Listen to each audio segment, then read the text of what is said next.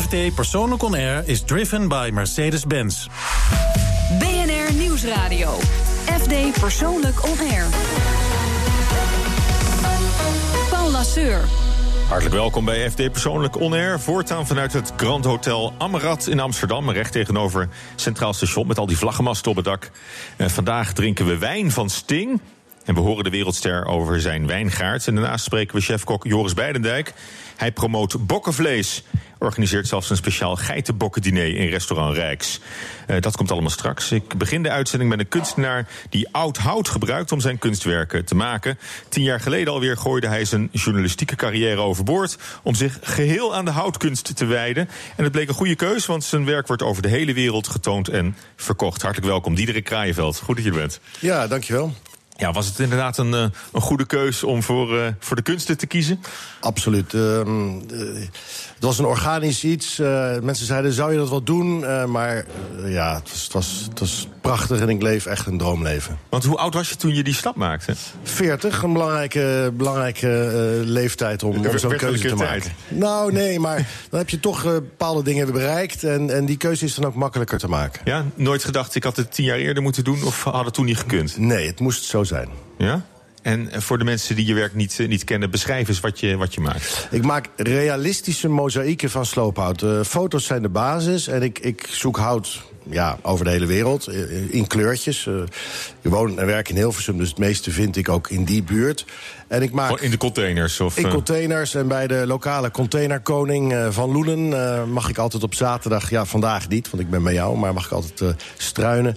En, en nou, met al die kleuren, zoals een schilder zijn palet samenstelt... zo ga ik uit mijn, in mijn voorraad van meer dan 50.000 kilo verschillende kleurig geschilderd hout zoeken. En dan, en dan maak ik een mozaïek. En dan is het, ja, is het zeggen mensen soms, soms net echt. Ja, en grote stukken?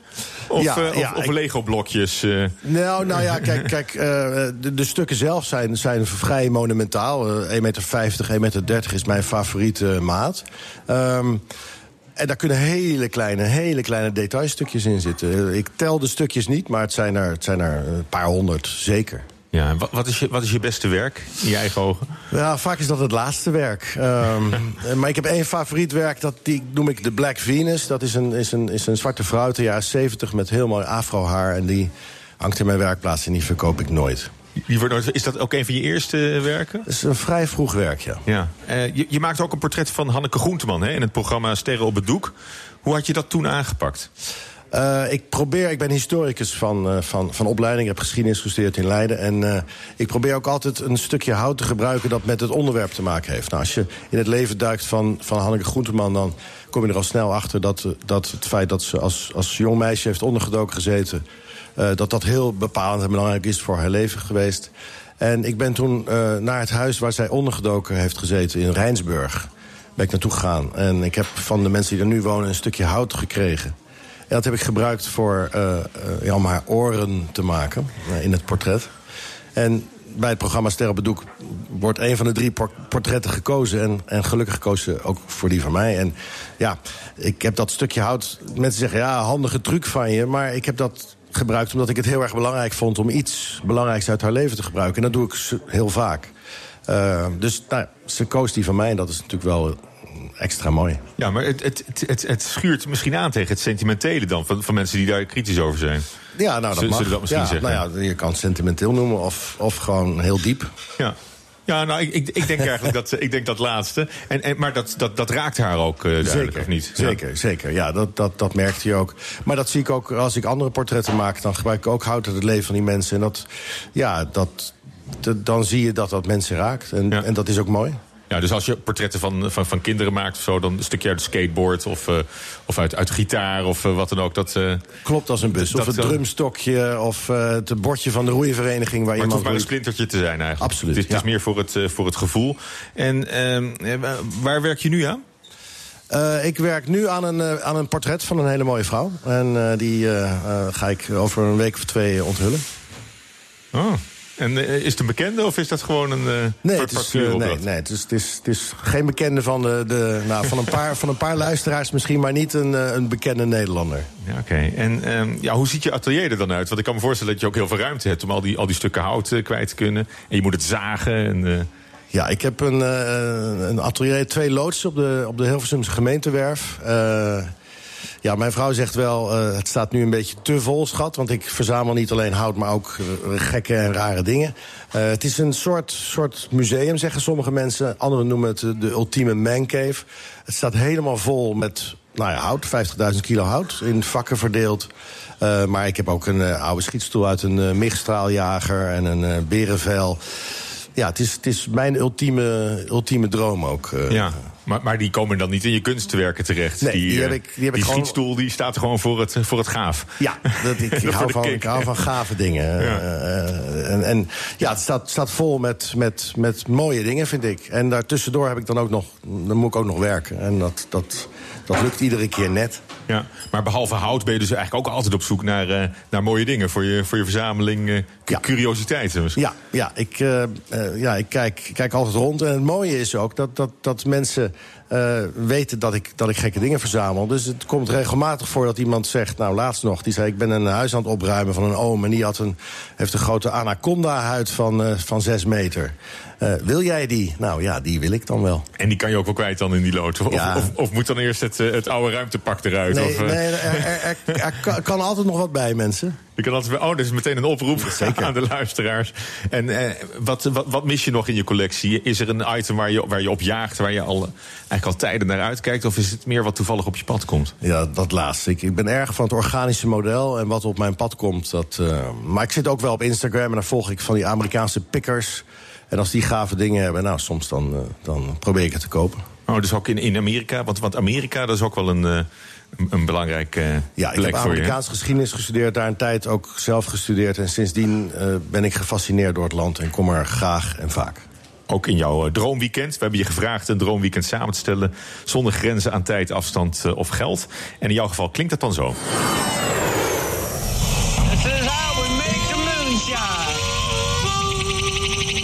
Know you made moonshine. I didn't say I did. There's a lot of risk in moonshining, but that's a chance you have to take. Ladies and gentlemen, may I introduce you to Los Angeles?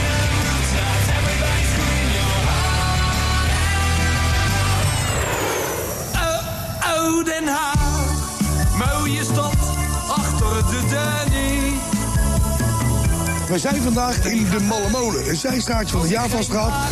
Super knus, super gezellig. Nou, klinkt geweldig, toch? Prachtig, Ja, prachtig. Super gedaan. Je was even, even op pad, volgens mij ook. Zeker. Ja. We be- begonnen in, eh, in Alabama, Sweet Home Alabama. Wat doen we daar? Ja, daar, daar beginnen we eh, in Seal, Alabama. Daar woont een hele goede kunstenaarvriend van mij, Butch Anthony. En iedere vrijdagavond heeft hij daar een, eh, de Possum Trot Auction... een veiling van allemaal rariteiten en eh, spullen die pikkers inbrengen. En dat is, dat is een veiling, maar meteen ook een feestje. En daar wordt inderdaad eh, moonshine gedronken en daar wordt gebarbecued. Ja, moonshine, illegaal gestookte Zeker. drank. Wat is het? Whisky? Ja, het is, het is illegale drank. Ja, het, is, het is geen whisky, het is, het is moonshine. En het is, ja, je kan er allerlei smaakjes aan geven. En het is heel sterk. Heel sterk. En die, eh, en die auction, ook wel eens een miskoop gedaan onder kennelijke invloed. Ja, ik heb een keer een, eh, een soort heel grote landmeter eh, meetapparaat gekocht. En die hebben we toen drie weken meegenomen in onze huurauto met het gezin afgelopen zomer. En uiteindelijk paste hij in geen enkele koffer. Dus ik heb hem op een parkeerterrein achter moeten laten. Vlak voordat we weer terugvlogen naar Nederland. Dat Helaas. helaas wel. Maar dat soort, dat soort auctions, niet, niet alleen deze in Alabama... maar dat, dat bezoek je wel vaker of ben je meer online bezig? Nee, eigenlijk, eigenlijk alleen online verder. Alleen maar online. dat, dat probeer ik zoveel mogelijk te beperken. Want ik kan me dan zelf niet zo goed inhouden. En dan eh, ga ik opbieden en dan heb ik weer wat. En het moet ook allemaal weer thuis bezorgd worden. Absoluut, en dat, ja. en, en dan, dan staat hij ineens op de stoep, dat apparaat of, of dat ding Ja. wat je hebt, hebt gevonden. Ja, ik moet me daarin beperken. En ehm, rooftop bar in L.A., dat is eigenlijk, een andere wereld meteen. Als je uit Ja. Alabama, uit de moonshine, dan ga je ineens naar dat... eh, ja, een beetje, beetje glamorous eh, L.A. toe. Ja, vanuit, vanuit eh, Alabama vlieg ik dan naar LA. En dan, ga ik, dan check ik in in het eh, Standard Hotel. Die hebben de mooiste rooftop bar en disco, eh, vind ik, van, eh, van LA. Dat is echt in het midden van downtown. Nou, dan eh, gaat de zon onder en dan, en dan eh, gaat de dansvloer open. En dan sta je dus te dansen met al die enorme wolkenkrabbers om je heen. En het is mooi weer en eh, je zit midden in L.A. En dat Ja. heb een paar keer gedaan en dat waren heel erg mooie nachten. Hetzelfde land, maar een compleet andere wereld misschien. Absoluut. Ja. En eh, de afsluiter, dat was een beetje onverwacht. Ineens zijn we in Den Haag. Ja, heel huiselijk zijn we terug. Uh, mijn vrouw en ik hebben vorig jaar een klein huisje gekocht. Een hofjeshuisje in de Mallemolen. En voor ons, we komen er te weinig. Uh, maar als we er zijn, is het gewoon vakantie vieren. terug in ons oude stadje. En, ja, terug, jullie hebben ook eerder in, in Den Haag gewoond? Ja, we komen er allebei vandaan en zijn er ook voor het eerst gaan samenwonen. En ja, familie, vrienden wonen daar nog steeds. En het is heel fijn weer in Den Haag te zijn. Fijn om weer in Den Haag te zijn. Maar je, je kan je dat dus ook permitteren, kennelijk, een, een tweede huis in, in Den Haag. Ga, gaat het je goed als, als kunstenaar? Is, Ja. het een, is het een vet pot? Nou, nee, het gaat goed. Eh, het gaat goed. Ik zeg wel eens, het komt er met bakken in, maar het gaat er ook weer met bakken uit. En eh, we hebben een mooi leven en mijn vrouw heeft een goede baan. En eh, ja, we, we, we zijn zeer, zeer bevoorrecht. En eh, ja, dit kwam ook op ons pad, dit huisje. En eh, we zijn er ontzettend blij mee. O- Over Den Haag. Nou ja, via Alabama en LA, de rooftop komen we toch eh, terecht in Den Haag. Straks praat ik verder met kunstenaar Diederik Kraaienveld. En na de reclame sluit Joris Beidendijk van Rijks aan... met een stukje bokkenvlees. BNR Nieuwsradio. FD Persoonlijk On Air. Oud-houtkunstenaar Diederik Kraaienveld is vandaag het hele uur mijn gast. En Joris Beidendijk van Restaurant Rijks is aangeschoven... en hij heeft iets te proeven meegebracht. Joris, wat ligt er voor me? Geitenlamsvlees. Iets uh, wat we in Nederland niet genoeg eten. En we hebben er wel heel veel van. Ja, geiten, lamsvlees. Ja, dus jonge, ja het, zijn, het is vlees van uh, jonge geitjes. Ja. Uh, we hebben uh, in de afgelopen 30 jaar is er ongelooflijk is het gestegen met het aantal geiten in Nederland. In de begin jaren 80 een paar duizend en nu over de 400.000. En die hebben we voornamelijk voor geitenmelk. We houden van geitenkaas en steeds meer en meer. Ja. En om geitenkaas te krijgen en geitenmelk te krijgen, moeten geitjes kindjes krijgen. Want dan pas gaan ze melk geven. Dat zijn er heel veel ongeveer 140.000 per jaar. En de helft van die kinderen, dat zijn mannetjes. En die mannetjes geven geen melk. En we weten ons er geen raad mee, op een of andere manier. Maar ik wel. Ja, jij, jij maakt ze lekker klaar, uh, die, die bokjes uh, kennelijk. Maar er, er, is ook een reden om geen bokjes te eten. De, de bok stinkt namelijk. Nou ja, je hebt er net aan geroken. ja, ik, ik heb net mij? even. Ik dacht, ja, maar dan, dan ruik je alleen maar de, de vinaigrette, want dit is een soort. Dus uh, hij stinkt niet. dit ja. stinkt niet, nee. Precies. Nee. nee. het ruikt heel lekker. En als je dat oud geit oud geitenvlees, net als mm. oud uh, lamsvlees, schapenvlees, ja. dat gaat sterk ruiken. Maar als je geit behandelt als een, lams, uh, als een lammetje, dan heb je echt lamsvlees deluxe. Het is echt heel mooi vlees. En wat er nu mee gebeurt, dat is echt onacceptabel. Want er gaan 70.000 geitjes mannengeitjes. Die worden of naar Zuid-Europa vervoerd als een heel jong bij de moeder weggehaald. En wat ik wil, wat wij willen, is dat um, de geiten, lammetjes langer bij hun moeder blijven. Uh, net als lamsvlees, schapenlamsvlees, gewoon eventjes uh, lekker blijven leven, mooi leven hebben en dan um, door ons uh, gegeten worden. Dus het moet ook uh, langs biologisch uh, weg, zeg maar. Nou, dat, dat niet per se, maar het is, het is goed. Maar wat vooral niet mag, is dat die geitenlammetjes vernietigd worden... of naar Zuid-Europa geëxporteerd worden als ze veel te jong zijn. Ja, en dan voor Pasen is dat misschien uh, als alternatief voor, voor de lammetjes, Precies, dus dat hebben wij gedacht bij Rijks. Uh, het, het geitenlamvlees is, uh, ligt gelijk aan het schapenlamsvlees eigenlijk. Dus, dus, het seizoen begint nu. Traditioneel gezien, en dat zie je in Frankrijk en Engeland nog steeds heel veel wordt er veel lamsvlees gegeten met, ja. met uh, Pasen. En die traditie die willen wij nu even een nieuwe draai geven. Dat we jaarlijks aftrappen het geitenlamseizoen met Pasen. En dat we dan geitenlamsvlees gaan eten. Ja. Dus dat gaan we doen bij Rijks op 16 april. Een diner, een geitenbokkendiner. Om ook even aandacht te vragen voor het geitenbokje. geitenbokkendiner. Nou, schrijf het allemaal op. Wou ik zeggen. Dat dan... Uh... Uh, en, en, dan dus de, de geitenbok. Ja, ik ga een stukje proberen, ja, want ja, ik, heb, ik, heb, het hier voor me. En, hoe, hoe, heb je het klaargemaakt? Uh, ik heb dit uh, stukje bout. dit is eigenlijk mijn favoriete stukje van de bout. Dus het einde. Daar zit, dat, er zit, liggen allemaal stukjes komen daar bij elkaar. Er loopt dat vet doorheen. Heel mals en smaakvol vlees. En dit is een wat ouder bokje al. Dus als jij deze heel sterk vindt ruiken... ik denk van niet, maar als je deze sterk vindt smaken... Nou, jonger vlees is nog minder sterk. En dit is, voor mij is dit lamsvlees deluxe. En ik wil op uh, Pasen elk jaar wil ik het geitenlamseizoen uh, aftrappen. Ik wil uh, heel graag dat er heel veel koks gemotiveerd raken... om ook dit bokje op, mm. op de kaart te zetten. En voor de consument wil ik het ook bereikbaar maken. Dus ik ben ook ambassadeur van koopengeit.nl. En daar kan, de, daar kan de consument online zijn geitenbokkenvlees bestellen. Huh. Diederik, hoe vind je het? Het is wel lekker, heel hè? Erg, heel erg Het is lekker. echt heel erg Kijk, lekker. kijk. Maar goed, jij bent, jij bent natuurlijk een, een klasse kok, eh, Joris. Ik heb dit zo eenvoudig mogelijk proberen te bereiden. Dus, dus, dus dit kunnen wij allemaal thuis ook. ja, ik zou het vertellen. Via ko- kopengeit.nl kunnen we allemaal eh, dit... eh, Precies, je, je koopt een geit.nl en je braadt het vlees om en om aan, even in de oven. Ik zou adviseren, de oven niet heter dan 120 graden. Vijf- En dan- 15 minuutjes en dan is het perfect. zo snel. Ja. Ben je een beetje een keukenprins, eh Diederik? Nou, te weinig tijd eigenlijk. Maar ik vind het wel heel erg leuk. En wat me vooral zo opvalt, je, je denkt bij geit... eh, ja, misschien een beetje taai, maar het is ontzettend heerlijk Ja. Het is heel zacht vlees, want het is jong vlees. En jong vlees eh, is vaak wat zachter. Eh, geitenvlees heeft wel wat elasticiteit. En als je dat net iets gaarder doet dan dat je lamsvlees zou doen... dan heb je meteen een hele mooie zachte cuisson. Garing. Dus dan kom je, dan kom je dus met, met geitvle- geitvlees wel, wel degelijk heel goed, eh, Ja, dus er heel niks, goed weg, sterks, hè, voor de niks sterks aan, geen gekke geurtjes. Gewoon heel erg smaakvol en lekker en mals. Ja. En eigenlijk, wat jij zegt, hè, anders worden de geiten maar, maar weggegooid. Ja, dat gebeurt serieus. Dat, dat is wat Diederik ook doet met dat, eh, met dat hout wat wordt afgedakt. Ja. Om, om dat het tweede leven te geven. Ja, hij Ja, het is, het is Ja. ook zo tegenstrijdig dat we hebben nou echt een vleesconsumptieprobleem en een vleesproductieprobleem. We, we produceren en consumeren veel te veel van een heel klein groepje vlees wat we hebben. En hier hebben we dus een, een, eigenlijk een enorme vleestapel. Bij, ik heb zoiets van, laten we eerst eens opeten wat we hebben... en daarna bijproduceren wat we eventueel nog nodig hebben.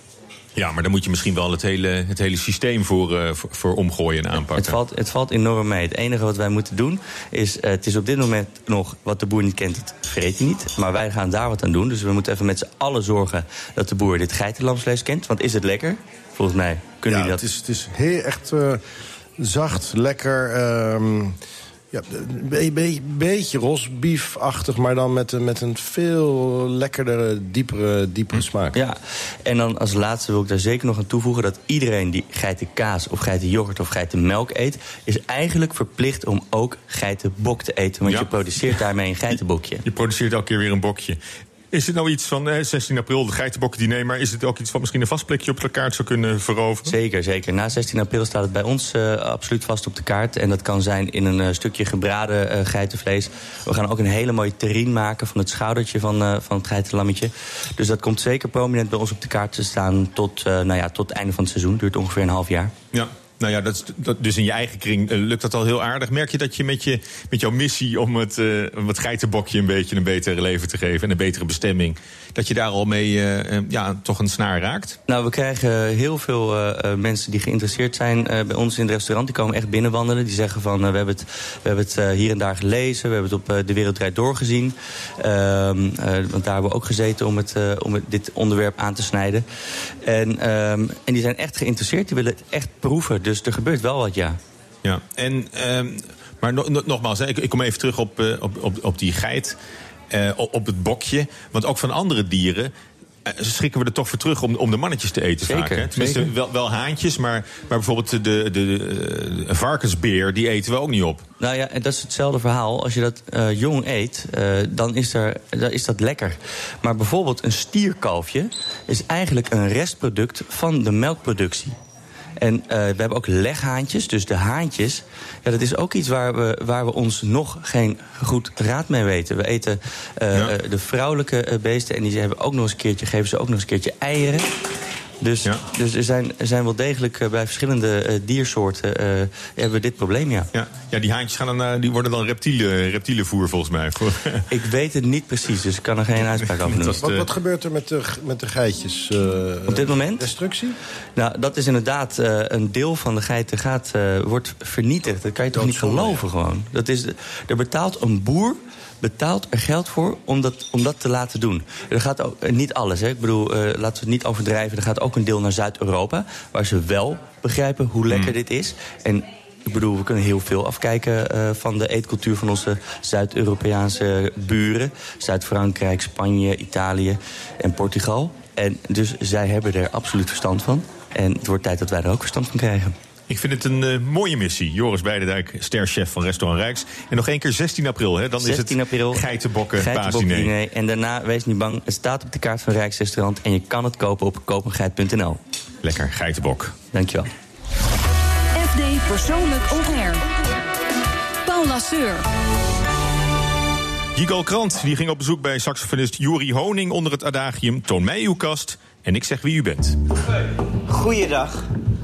Juri Honing in zijn eigen habitat. Hoi. Ik nam graag een kijkje in je kast. Dat kan, uh, maar welke kast? Nou, dat is een hele goeie. Ik heb hier een dobbelsteen. Pak die ter hand. Hebben we zes kasten nodig. Ik zie een uh, mooie boekenkast. Ja. Een platenkast, uiteraard. Een soort van, ja. Ook de partituren staan er allemaal in. Oké. Okay. Nou, nou, is het wel zo'n beetje. Nou, ik zie daar een koelkast. Ja, een koelkast. Een nachtkastje? Een nachtkastje heb ik niet. Wat hier wel staat nog is een studio ook. Dat is ook een soort kast eigenlijk. En verder een medicijnkast, brandkast? Nee, een heel klein prijzenkastje. maar die staat bovenop de muziekkast. Nou, ik zou zeggen, gooi de dobbelsteen... en als het 5 en 6 wordt, dan uh, zien we wel. We proberen er iets van te maken, ja. Eén. Nou, dat is de boekenkast. Dit zijn boeken waar ik gewoon bijna dagelijks in kijk, omdat het me bezighoudt. Uh, omdat beeldende kunst naast, naast, muziek eigenlijk mijn tweede liefde is. Welk boek heb je vannacht nog ingekeken? Vandaag heb ik nog heel eventjes hier gepiekt. Matisse. Matisse. Wat ik zo goed vind aan Matisse is, is dat hij zich de hele tijd probeert opnieuw uit te vinden. Toen hij rechts eenmaal uitgeschilderd was, begon hij maar eens met links te schilderen. Om zichzelf uit te dagen. En op een gegeven moment is hij ook gaan knippen. Alleen maar. En daar neem ik een voorbeeld aan als speler. Wat betekent dat? Dat je ineens bariton sax gaat spelen of dwarsfluit... of dat je er vier in je mond steekt, zoals Roland Kirk? Uh, nee, het is wel zo dat ik als ik componeer... dat ik heel weinig rekening hou met mijn eigen mogelijkheden, mijn eigen instrument. Als de composities klaar zijn, zal ik ze zelf net zo hard moeten studeren... als mijn medemuzici, omdat ik geen rekening hou met mijn eigen capaciteiten.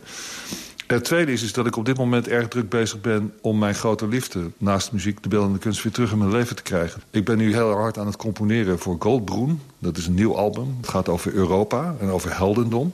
En ik ben enorm veel onderzoek aan het doen. Niet alleen naar muziek, die gelinkt is daaraan... maar ook naar beeldende kunst, die gelinkt is daaraan.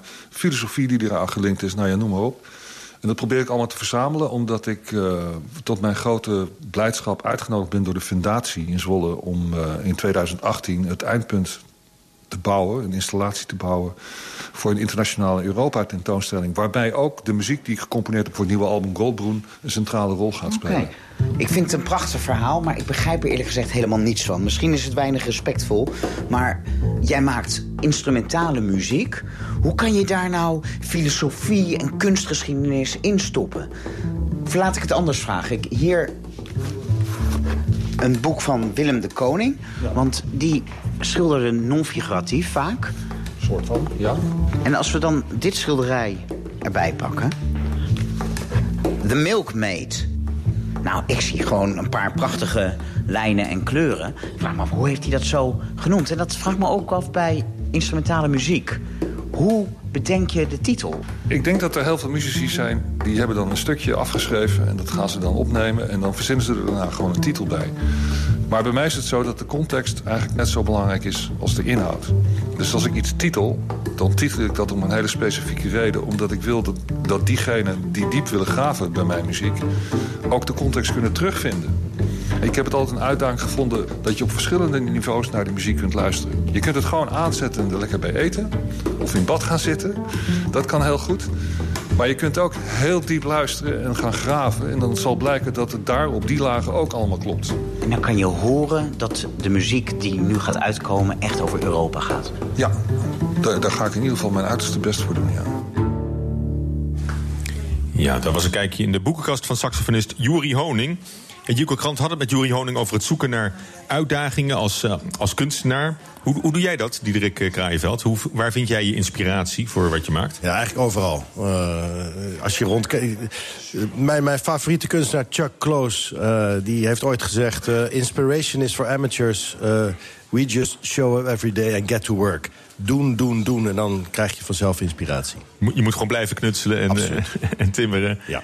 En, en, sorry, jouw lievelingskunstenaar, want ik, ik ken hem niet. Chuck Close. Uh, Wat maakt hij? Ja, 60 jaar. Uh, hij is begonnen met, met super realistische, heel erg grote zelfportretten... en portretten van zijn vrienden. In de jaren 60 in New York. En ja, hij is een aantal jaar geleden heeft hij een hersenbloeding gekregen... en kan hij gewoon minder doen. Maar het is een enorme doorzetter, een doener. En hij maakt uh, nu ja, een soort mozaïekachtige, uh, uh, enorm grote portretten. En hij is, is een van de Ja, Groot voorbeeld voor je. Ja, een van de, een van de, de, de bekendste kunstenaars in Amerika. eh, Zeg maar. Eh, ook een heel erg aardige kerel trouwens. Ja? Je, je hebt hem ook een Ja, aantal- keer, één keer heb ik hem ook ontmoet. ontmoet? Ja, ja. En, ehm, Super vet. Ja.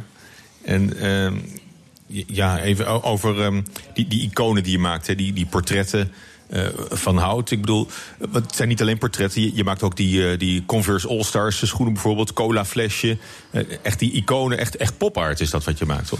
Ja, ja ik, ik ben, ben nooit begonnen met auto's. En, en toen ben ik vrij snel na, omdat het materiaal zich er heel goed voor leent. eh, vervallen hout, ja, oude All-Stars. Ik vind dat ze ook een beetje oud moeten zijn als je ze aan hebt. Ik draag ze nog steeds regelmatig. Eh, daar is het mee begonnen. En eh, nu doe ik eigenlijk eh, ja, iconische dingen. Zo, ja, ja, zoals het flesje cola wat je noemde. Die heb ik voor Coca-Cola in Londen gemaakt.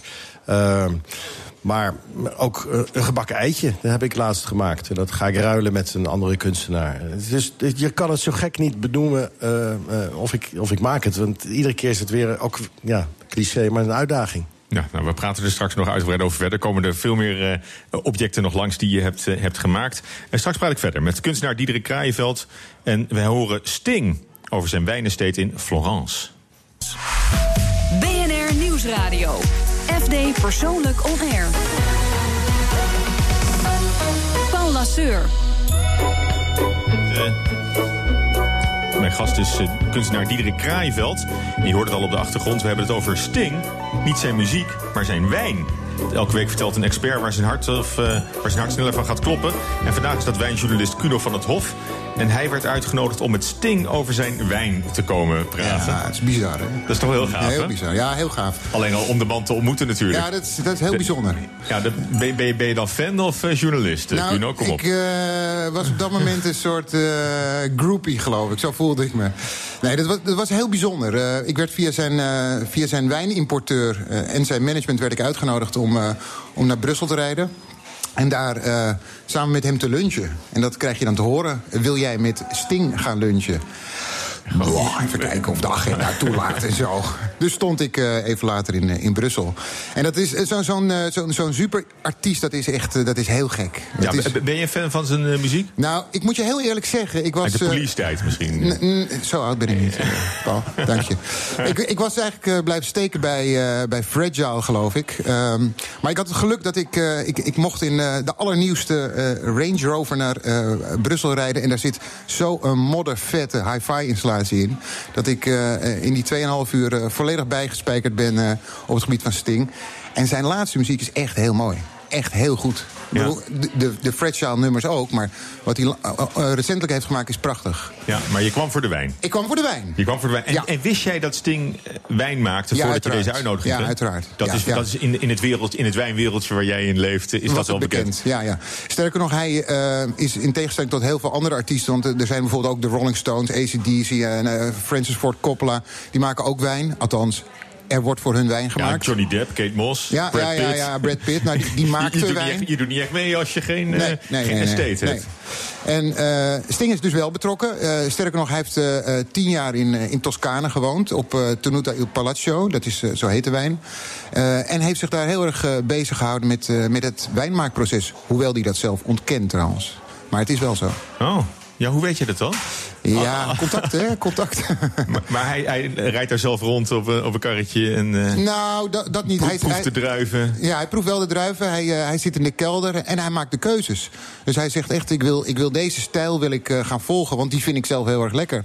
En op basis daarvan maakt zijn, eh, zijn wijnmaker dan de wijn. Ja, en betrokkenheid, eh, betekent dat ook dat hij, eh, eh, dat hij biodynamisch wil, wil, wil telen? Hij teelt nu organic, zoals we dat noemen, dus, dus biologisch. Wat inhoudt dat hij geen bestrijdingsmiddelen in de, in de wijngaarden gebruikt. Ehm, hij wil uiteindelijk naar biodynamisch toe. Dus hè, dat is dat rekening houden met de stand van de maan en de sterren en de zon en weet ik veel wat allemaal. Koeienhoorns gevuld met, met koeienshit begraven in je wijngaard. Daar wil hij naartoe, maar daar zit hij nog niet. Dat duurt heel lang. Gaat lang duren. Nou, je vroeg hem ook naar eh, eh, het, het fenomeen celebrity wijn, hè, waar wij het net ook al over hadden. En eh, daar zei hij het onder meer het volgende over. I mean, uh, there are various levels of involvement. I mean, you have Francis Ford Coppola, who's very involved in, in winemaking, and you had um, Brad Pitt and Angelina making wine in the south of France. Um, and then you have other people like the, the Rolling Stones are involved in wine and ACDC, but they're, they're not really involved, they just lent their name. We are actually, you know, we own Very the property. yeah, you own it, but you're very involved. I'm involved in, in the extent that I've invested in it and I care about the way the wine is produced. Yeah. So we, we've created the ethos of making wine that is organic mm-hmm. and doesn't harm the, the planet or the soil or the drinker. Ja, involved, maar eh, misschien niet zo erg als, je- als jij aangeeft, maar eh, dat is bescheidenheid. Zeg. Dat is. Val- Valse bescheidenheid. Ja, zo kun je het noemen, ja. Nou, hij, hij stond al ingeschonken. We hebben al een, Ja. een slokje kunnen, kunnen proeven. Ik heb, eh, eh, Wat, wat, is het? Ik heb vandaag een, eh, een witte wijn van hem meegenomen. Hij noemt al zijn wijnen naar een van zijn muzieknummers of een of andere muziekinvloed. Dit is Message in a Bottle, hè? Message in a Bottle, ja. dat, vind, dat vind ik dan weer...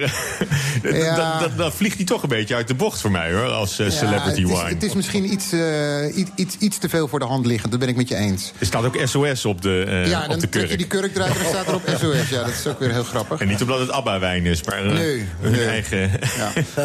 Dit is eh Message in a Bottle, is gemaakt van eh 85% eh, Fermentino. Fermentino is een, eh, een, een vrij lokale Hm? druif in, eh, in, in, in Italië. Eh, in Frankrijk wordt hij ook aangeplant en heet hij dan weer de rol. Eh, daar maken ze dan weer rock'n'roll wijn van, maar die, dat is weer een hele andere tak van sport. Ehm Fermentino is, is een buitengewoon lekkere druif. Die eh, heeft niet die hoge zuren zoals bijvoorbeeld de Sauvignon Blanc. Heeft wat bittertjes, waardoor die heel goed bij, eh, bij bijvoorbeeld ge- mooie gerechtjes... Ik, ik noem daar geitenvlees of zo, Oh, zou dat, zou kunnen? Ja. Nou, heb je er even zaken kunnen doen net. Met Joris? Met Nee, nee, nog niet, nog niet. Ja.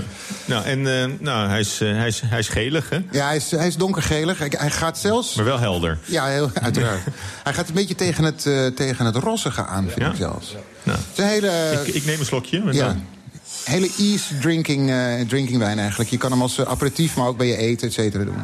Ja. En is dat, is dat de enige wijn die die eh, Nee, produceert? nee, hij maakt, ik geloof een stuk of zes wijnen of acht wijnen. Sister Moon is er eentje, eh Casina della Via. Pff, ik geloof dat hij binnenkort met een uh, gaat uitkomen. Ja, hoe kan het ook anders?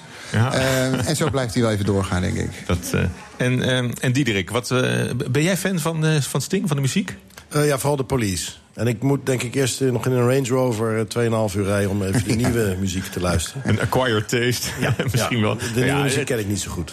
Nee, maar het, is op zich wel. Zijn muziek is toegankelijk, maar, maar zijn wijn is dat ook. Is, is, Ja, is, het- is het, eh, kun- je dat aan elkaar eh, koppelen? Ja, het- het- ja, je kan het zeker aan elkaar koppelen. Sterker nog, ik heb hem nu dus ontmoet en ik merkte dat hij zelf ook heel toegankelijk is. Dat is echt bizar. Want we hebben dus, je hoorde net ook die achtergrondgeluiden. We hebben gewoon een restaurantje op het Grote Plein in Brussel uitgekozen. Daar zijn we met z'n tweeën gaan eten. We zaten daar. Er zaten allemaal mensen om ons heen. Wordt hij niet de hele tijd besprongen door, eh, Nee, door fans? veel, en, nee, veel reuzen mee. Veel reuzen mee. Nou, maar, maar, maar je vroeg hem ook naar, naar zijn wijnkennis. Hè, want dat is natuurlijk de grote vraag. Wat weet die man van wijn? Hè? We kennen hem als muzikant, maar wat weet hij van wijn? En daar zegt hij dit over. Not, not great. I mean, I, I, I, I know what I like. I don't have a sophisticated palate that can recognize licorice, tobacco. You know, that, I hear people talk about wine, and I'm, I really admire their, their knowledge. I know what I like, and um, my preferences, but um, I, I can't really articulate what that is. But I have very good winemakers and wine blenders around me, so you know, I'm, I'm well supported. Eigenlijk, is hij gewoon een doorsnee wijnliefhebber. Die zegt, ik weet wat ik lekker vind. Ik, ik weet alleen niet of je hè, eh, tabak en drop... eh, Dat, dat zijn zo van die basissmaken die je dan eh, kan, Ja, onderscheiden. Ik moet je eerlijk zeggen, ik heb, hem, ik heb hem een beetje geprobeerd in een val te lokken. Omdat ik dus merkte dat hij, dat hij redelijk bescheiden was. Ehm, ik heb hem een andere wijn voorgezet die vergelijkbaar is met Message in a Bottle. En ik vroeg hem, goh, wat vind je hiervan? En hij begon gewoon haarfijn uit te leggen wat die wijn voor bij hem deed. En waarvan, de druifsoort waarvan hij dacht dat het was. Eh, wat voor type wijn het was. eh, in welke prijscategorie die lag. Dat wist hij gewoon. Ik bedoel, en hij wist niet wat voor wijn het was. Ja, en, eh, maar we- we- weet hij er genoeg van om zijn naam aan deze wijn te verbinden? Ja, of vind je dat... hij, hij reist naar, naar Brussel om met mij over die wijn te gaan praten. I mean, ja. weet je? Maar goed, commercieel zal het, zal het, zal het wel helpen. Ik dat, denk niet dat hij het deed omdat het charity was. Ja, want hij, hij heeft er ook gewoond hè, op, het, op het landgoed. Ja, tien jaar lang. Tien jaar Ja. lang, ja. In Toscane. Ja, oké, dat, eh, d- daar vertelt hij ook over. Yeah, I lived there for 10 years. 10 years? Now I'm living mainly in New York, or I'm on tour. You know. But um, it truly is from a farming family. So she had more culture background. Yeah, she had a background that was fami- familiar with the process. you know. My children aren't really interested in in the wine growing business yet, so cheers, cheers. But maybe they will be. I don't know. If they're interested. If they're interested, so you know, I'd like to take over. Ja, zijn vrouw Trudy die komt uit een eh, boerenfamilie. geslacht van, uit een boerenfamilie. Ja. Geslacht van, eh, van wijnmakers eh, waarschijnlijk. En eh, ja, hij heeft, hij heeft dus eh, tien jaar daar gewoond. Maar zegt hij er meteen bij, dan zit je ook al veel in, in New York. En je bent on tour. Dus, eh, dus hij, hij, hij zit nooit lang op één plaats. Hij natuurlijk. zit niet lang op één plaats. hè. Dat merkte je toen ook. Hij heeft eh, nou, ongeveer een uur, anderhalf uur uitgetrokken voor die, eh, voor die hele lunch. En dan is hij ook weg. En dan zeg ik nog tegen hem... Weet je, zullen we nog even een fotootje buiten maken voor de deur? Zit hij, hij zegt, ik maak maar op één plek foto's. Dat is van hier naar mijn auto. En zijn auto stond één meter voor de deur, zeg maar. Dus hij, is, hij, Eh, hij maar komt... dat is nog net gelukt. Het is wel gelukt, ja, ja. Hij Die- komt, Die foto heb je. hij praat en hij gaat weg. Meer doet hij niet. En nou heb je de man ontmoet. Ja. Drink je die wijn nu ook met een ander Tuurlijk. gevoel? Tuurlijk, er hangt een heel andere, heel andere sfeer hangt er nu om die wijn in. En is dat omdat het Sting is? Of, of heb je dat met elke wijnmaker? Als je die ontmoet, dat je denkt... eh, ja. ja? Weet je, zoals met elk, elk vak en elk product, eh, het verhaal, daar gaat het om. Op het moment dat je het verhaal hebt, het verhaal achter het product... of achter de mens of achter de wijn, of whatever... dan heb je iets. Dan, dan gaat het leven. Als je geen verhaal hebt... dat is ook het grote probleem met al die grote supermarktwijnen... in anderhalve liter flessen. Daar zit geen verhaal achter. Hoe kan je dat in hemelsnaam ooit lekker vinden? Ja, ik zie Diederik ook al, eh Ja, al knikken. absoluut. Als, Ja, als, kunst- is- als kunstenaar is dat, eh, is dat het natuurlijk ook verhaal is doet. zo belangrijk. Nou, we hadden het net over, als je een stukje hout gebruikt uit iemands leven... eh, dan, dan is dat meteen zoveel waardevoller. Ik heb, ik heb een keer een Obama-portret gemaakt, eh, die ook bij de inauguratie hing. En zijn das was gemaakt van hout van een Keniaanse vissersboot. Nou, zijn vader komt uit Kenia.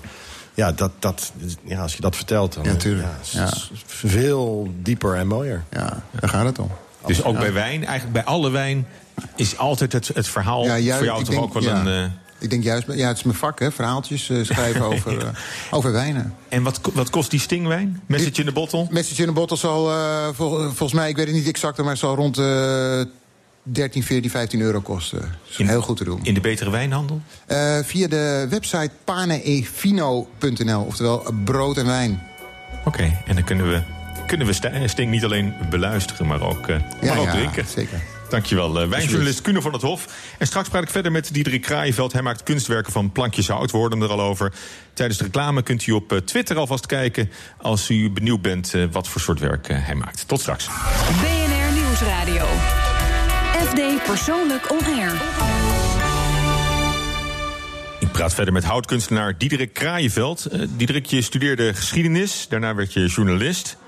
Nu kunstenaar. Wat, wat, is de, wat is de gemene deler? Wat is de rode draad in jouw levensloop? Eh, ik denk eh, geïnteresseerd zijn en eh, willen scheppen.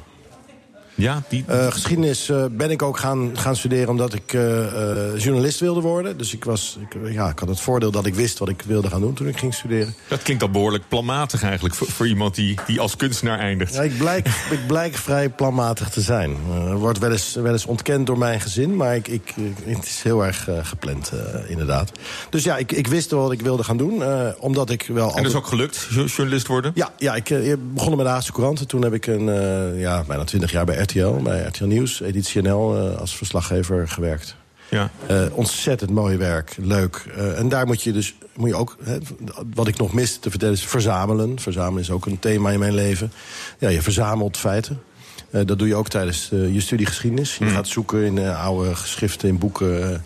en daar maak je iets van. Tijdens je studie ja, maak je scripties en, en, en, en verhalen. Tijdens de journalistiek, ik zeg altijd, dat is ook heel creatief. Niet dat je dingen verzint, maar je moet iets... Geen fake nieuws? Absoluut niet. Het moet allemaal kloppen. Zeker als, als historicus vind je, vind je dat ook. Maar je moet wel iets, iets scheppen. Iets wat mensen graag tot zich nemen. En als je schrijft, of als je radio maakt... of als je schrijft dan, dan moet het in tekst zijn. Als je radio maakt, moet het... Nou, wat jullie prachtig doen. Hè, eh, mijn, mijn weekend hebben jullie ontzettend mooi... in, in, in, in, in muziek en in tekst eh, verwoord. Nou, dat, dat is een scheppend iets. Nou, bij televisie moet je denken in beelden. Je moet een verhaal beeldend vertellen. Dus die overgang daarna naar, naar kunstenaar met hout vind ik is, misschien, klein- misschien een kleinere stap dan, eh, dan Ja, het, eh, dan vind het zich laat Het lijkt ver gezocht, maar ik vind het een, hele logische lijn. Ja, en, en hoe, maar hoe kijk je terug op die, op die tijd als, eh, als journalist? Dat je ook, ook als historicus, en helemaal denk ik in de televisiejournalistiek... dan moet je in een itempje van, van twee minuten een, een heel verhaal ver- vertellen. Dan moet je haast wel ook een beetje buigen aan, aan die feiten om het, eh, om het erin geperst te krijgen. Nee, je hield je altijd aan de feiten. Ja, alleen je houdt je- wel aan de feiten, maar alleen je- het- je, moet je wel een verhaal vertellen. Ja, het was dan de uitdaging om, om dat zo beeldend en zo... Ja, ik, ik maakte altijd wel een beetje de weer aparte filmpjes. Een beetje met grapjes erin, beeldgrapjes. En dat, dat vond ik ja, een- iedere keer weer een uitdaging. En als dat lukte, was dat super mooi. Ja, ma- maak je nog wel eh, filmpjes? Eh, nee, maar ik, ik ben nog wel eens eh, onderwerp van filmpjes in die zin dat ik ga regelmatig op avontuur eh, in het buitenland om dingen te maken of, of avonturen te beleven. Dus ben ik twee jaar geleden met, met vrienden in, bij die vrienden in Alabama geweest. En hebben we op basis van een oude pontoonboot hebben we een, met gevonden materialen. Vooral mijn vriend Niek Wagemans, een prachtige bouwer. Die hebben we een piratenschip gebouwd. Eh, en daar hebben we acht dagen mee de Apalachicola en de Chattahoochee rivieren afgevaren. Ik kende de namen eerst ook niet, maar nu wel. Naar de Golf van Mexico eh, in acht dagen. echt Tom Sawyer en Huckleberry Finn. Absoluut, allebei. qua jongenswerk. Ja, dit. wat ik vroeger, waar ik vroeger al van droomde. En daar heeft een maatje van mij uit de RTL-tijd, eh, Gideon de cameraman... heeft daar een film van 13 minuten van gemaakt. Dus ik, nou ja, ik heb me wel met de teksten bezig gehouden. En, die, en dat vind ik helemaal stoer. Die film is ook al eh, op verschillende filmfestivals in Amerika uitgezonden of, eh, of vertoond. Dus dat is super. Dus, dus ehm, ik, ik, ja, ik maak ze niet echt zelf, maar ik ben er nu en dan wel bij betrokken. Want ja, je blijft toch... Ja, de journalistiek en, en, en, alles heeft nog steeds eh, een grote liefde voor mij. Ja. ja, want ik heb je al een paar keer horen zeggen... het is ook, eh, je gelooft in het organische eh, model. Hè, maar dat, dat geeft meteen het idee dat, dat het je maar overkomt eigenlijk.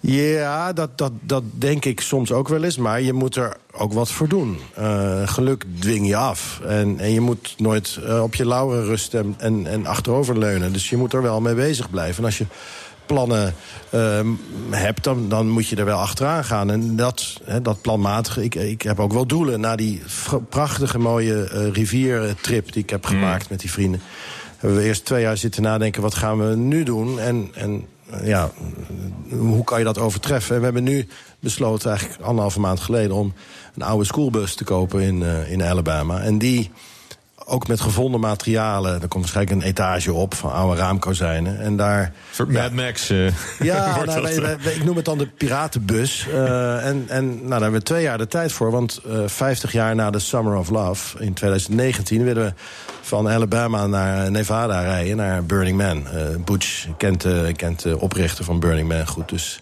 Daar kunnen we vast wel een plekje krijgen. Dus, dus dat doel heb ik nu weer in mijn leven. En daar moet je natuurlijk wel wat voor doen. En ik ben dan de planner. Ik, dus ik ga, ga kijken of, of wij wel eh, met onze rijbewijzen die bus kunnen besturen. En ik eh, eh, zorg dat er wat financiën zijn om die bus te kunnen kopen. En nou ja, eh, Dus, dat, dus jij produceert dat hele project? ja, en dan is het heel handig dat je 20 jaar verslaggever bent geweest. Ja, dat, eh, dat lijkt erop, hè? Dus, dat is bijna hetzelfde, hetzelfde werk. Absoluut. En, eh, maar, maar levert dat je wat op of eh, kost dat je alleen maar een hoop geld om, om dat te kunnen, te kunnen beleven? Maak je er ook een, een, in die zin een project van? Nee, ik, kijk, ik maak daar ook dingen en die hangen aan en in die bus. En ja, als, die, als ik die verkoop, dan is, het, dan is dat mooi meegenomen. Maar het gaat echt... Ja, Om de ervaring met, met, met, met, met, met elkaar. Absoluut. Ja. Dat, dat wordt, het, eh, wordt het verhaal. Ja. En, en eh, nog, nog even terug hoor, want het fascineert mij wel hoe je van, van journalist kunstenaar kunt, eh, kunt worden. Het, spreekt mij enorm aan. Maar was dat een hele, hele radicale overgang? Of, of maakte je deze werken ook al toen je nog. Ja, ik ben eigenlijk mijn hele leven dingen aan het maken. En ik had het voordeel, het geluk dat ik, dat ik vaak in de zomer... naar een groot huis van de tante van mijn vrouw in Zuid-Frankrijk ging. Daar maakte ik altijd dingen. Na twee dagen boeken lezen wilde ik wat met mijn handen gaan doen. Nou, dat, dat wilde ik eigenlijk altijd in de... eh, als ik terug zou zijn in Nederland, dat doen. Maar dan, dan ging de creativiteit weer in het maken van... van eh, items voor RTL zitten. Nou, ehm, eh, op een gegeven moment, ik deed ook onderzoeksjournalistiek voor RTL. Dat, dat kost veel tijd en geld. En de hoofdredacteur vond dat toch op een gegeven moment dat dat te veel tijd en geld kostte. Dus die zei dat ik dat nog maar één dag in de week kon doen. Nou, dat vond ik, dat kan je niet één dag in de week doen. Dus toen dacht ik, nou, dan heb ik tijd over. Want ik werkte sowieso maar vier dagen in de week voor RTL. Ik, ik heb tijd over. Eh, ik doe niet meer die onderzoeken waar ik dag en nacht voor op pad ben. En ik ga één dag in de week doen wat ik al jaren me voorneem tijdens de vakantie. Nou, dat was één dag, dat werd toen twee dagen, dat werd toen drie dagen. Nou, toen had ik een expositie in Amerika eh, gepland... en met mijn gezin daar naartoe te gaan ook. Eh, alleen geen vakantiedagen meer. En ehm, toen ging ik naar personeelszaken. En ik zei, goh, zou ik een sabbatical kunnen krijgen voor onbetaald verlof? En toen zei eh, personeelszaken... ik dacht het niet. Die reis zal je maar moeten afzeggen. En toen zei ik, nou, dat dacht ik niet. Uh, dan zeg ik hierbij mijn baan op.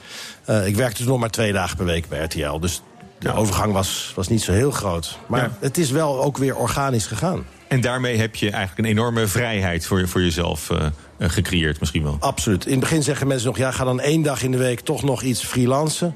Nou, dat, daar kwamen we niet uit. En ik ben heel blij dat ik gewoon die stap heel erg uh, ruksigloos zeg maar, heb genomen. En meteen alle banden. En nu heb ik inderdaad alle vrijheid. En ja. dat is het aller, allermooiste. Ja, die ultieme vrijheid van je die klinkt ook door in het nummer wat we voor je gaan draaien. Je hebt gekozen voor America met Ventura Highway.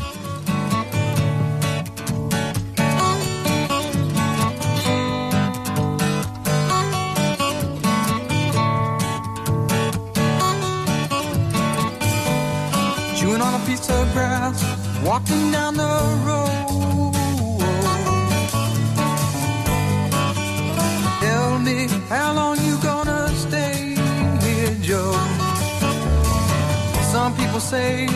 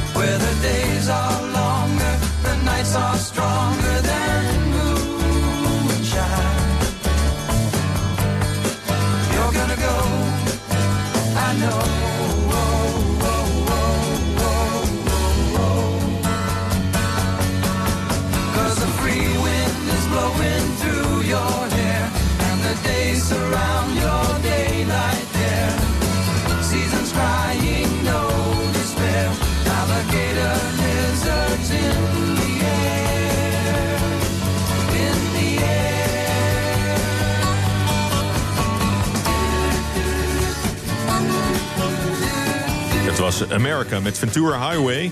Ja, je bent, je bent echt Amerika-fan ook, hè, Diederik? Ja, je moet je tegenwoordig een beetje voorpassen hè, als je zegt dat je van Amerika houdt. Maar ik ben altijd gefascineerd door Amerika, zeg ik nu. Maar ik, ik kom er heel graag. Ja, maar oppassen vanwege Trump, uh, Trump ja, country. Dat, ja, uh, zeker, zeker. Ja, heeft dat voor jou... Uh... Ja, ik, ja ik, ik ga er ook wel eens naartoe en dan, dan, ga ik niet alleen maar vakantie vieren. Dus, dus die grenscontroles zijn altijd wel eens een beetje spannend voor mij. En dat is er niet beter op geworden. Bovendien, ja, ik, ik geloof niet dat het heel goed is voor Amerika... dat ze deze president hebben. Nee, nee het, het is er wat dat betreft niet beter geworden. Maar gelukkig wonen er... Uh, ongeveer 300 miljoen uh, Amerikanen. En het is niet alleen Trump. En er zijn ontzettend veel ongelooflijk mooie mensen die daar wonen. Ja. En mooie, mooie, mooie gebieden, mooie oh. natuur, mooie, mooie, mooie plannen. Je vertelde al over, over, over die schoolbus en eerder al met die, met die rivierboot. Je, je bent ook wel een avonturier ergens, hè? Ja, misschien wel. Ja, en, en ja, nu kan het ook. En nu kan je ook je eigen avontuur uh, maken. Uh, en, en dat probeer ik zoveel mogelijk te doen. En ja, die boot, dat is eigenlijk al een ja, een soort jongensdroom. En ik, ik leef nu als een soort droom, zonder dat ik tien jaar geleden hierover droomde wat ik nu doe. Maar toen ik op die boot stond, toen dacht ik wel van... ja, vroeger als jongetje keek ik naar uh, Tom Sawyer, Huckleberry Finn, die serie. En dan zo'n jongen met zo'n zo'n tuinbroek aan. En dat, dat wilde en, ik en toen strootje zijn. in zijn mond en ja, stroot dat op wilde, zijn hoofd. Dat, dat, wilde ik toen zijn. En toen heeft mijn moeder ook zo'n tuinbroek voor mij gemaakt. en daar liep ik, heb ik een heel jaar in gelopen, geloof ik. En, en dan ben je, ben je 52 uh, of 51 toen. En dan sta je op zo'n boot. in een tuinbroek. Dan, dan, dan, kan ik wel ook een traantje, dan kan er wel een traantje vloeien, hoor. Ja, dat is wel, uh, ja, wel een uh, dan, intens moment. Absoluut. En wat... Wat, wat vindt je vrouw van die hang naar, naar avontuur? Die, want die moet je af en toe ook... Uh, ze is er ook bij. Ik zit even, even te kijken of zij... Maar, maar die moet je dan ook twee maanden missen. Ja, nou, ik, ik, ze zegt altijd één week weg vind ik prima. Na twee weken begin ik je een beetje te missen. En uh, drie weken is eigenlijk te veel. Uh, maar soms hebben we dan een uh, soort van weddenschap. En dan, als ik die dan win, dan mag ik drie weken. En als ik, de laatste keer was dat ik moest ik vijf kilo afvallen. Die is er inmiddels weer bij. Uh, dus dus nou, ze gaat ook, ook regelmatig mee. Ja, niet op die boot. Ja, vorig jaar zijn we met gezin drie dagen op die boot geweest alleen. En in die bus naar Burning Man ook niet, denk ik. Ja, dat is nog, parcours. dat is nog onderdeel van discussie. Want dan, als mijn vrouw meegaat, gaan ook alle andere vrouwen natuurlijk mee. Uh, wat heel gezellig is. Maar, ja, het is ja, een schoolbus, dus dat, dat moet kunnen. Ja, in principe hebben we nu gezegd... iedereen mag mee als hij uh, zelf voor vervoer regelt. Nou, maar, misschien moeten we niet via de media daarover onderhandelen. Zo is dat. dat. Dat is altijd omstandig. Maar ze mag best mee, hoor. je had het over tien jaar geleden had je niet kunnen bedenken... dat, dat, dat je dit leven zou leiden. Als je nou tien jaar vooruit probeert te kijken... Ja, ik is heb, dat dan nog lastiger? Ja, ja, ja. Ik, uh, ook weer het organische. Ik, ik, ik uh, zie wel wat er op mijn pad komt. Zonder dat ik uh, achterover leun. Ja, maar doe, doe toch eens een poging. Ja. Want je, je, wil je ook ontwikkelen, denk ik, als, als kunstenaar. Je wil misschien niet altijd hetzelfde blijven maken. Het moet ook geen kunstje worden.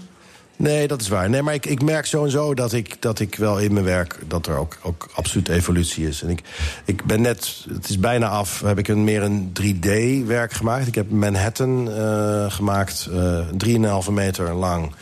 Uh, allemaal blokjes van hout van watertorens uit New York. Ook daar is dan weer die, zeg maar, die historische verbinding. En ik moet zeggen die, dat. Die oude tonnen die daar op de daken staan ja, van die de oude tonnen. Ja, ja. ja nou, dat kwam op mijn, ook weer op mijn pad. En uh, ik heb toen. Een zeecontainer met hout. Heb een je. zeecontainer. 1281 balken van 4 meter kwamen toen, uh, nu een, bijna een jaar geleden, in Nederland aan. Uh, de helft gegeven aan Piet Hein Eek, die daar ook prachtige dingen mee die maakt. Die weet ook wel raad met uh, oud Zeker, hout. zeker. Ja. En uh, dat, dat, ja, ik heb nu New York gemaakt en, en ik zou, we staan nu in, in Hartje, Amsterdam. Uh, ik kijk naar buiten en ik zie prachtige uh, grachtenpanden. Uh, ik zit ook aan te denken om, om van oud-Amsterdams hout een, een Amsterdam te gaan maken. Dus, dus dat is wel een evolutie. Dus wie weet, dat maak ik over tien jaar... laten we het dan daarop houden, allemaal steden van historisch hout... van die bepaalde stad. Dat is ook wel je droom misschien wel, om dat uh, te gaan doen. Nou, het is wel heel veel werk, zo'n stad.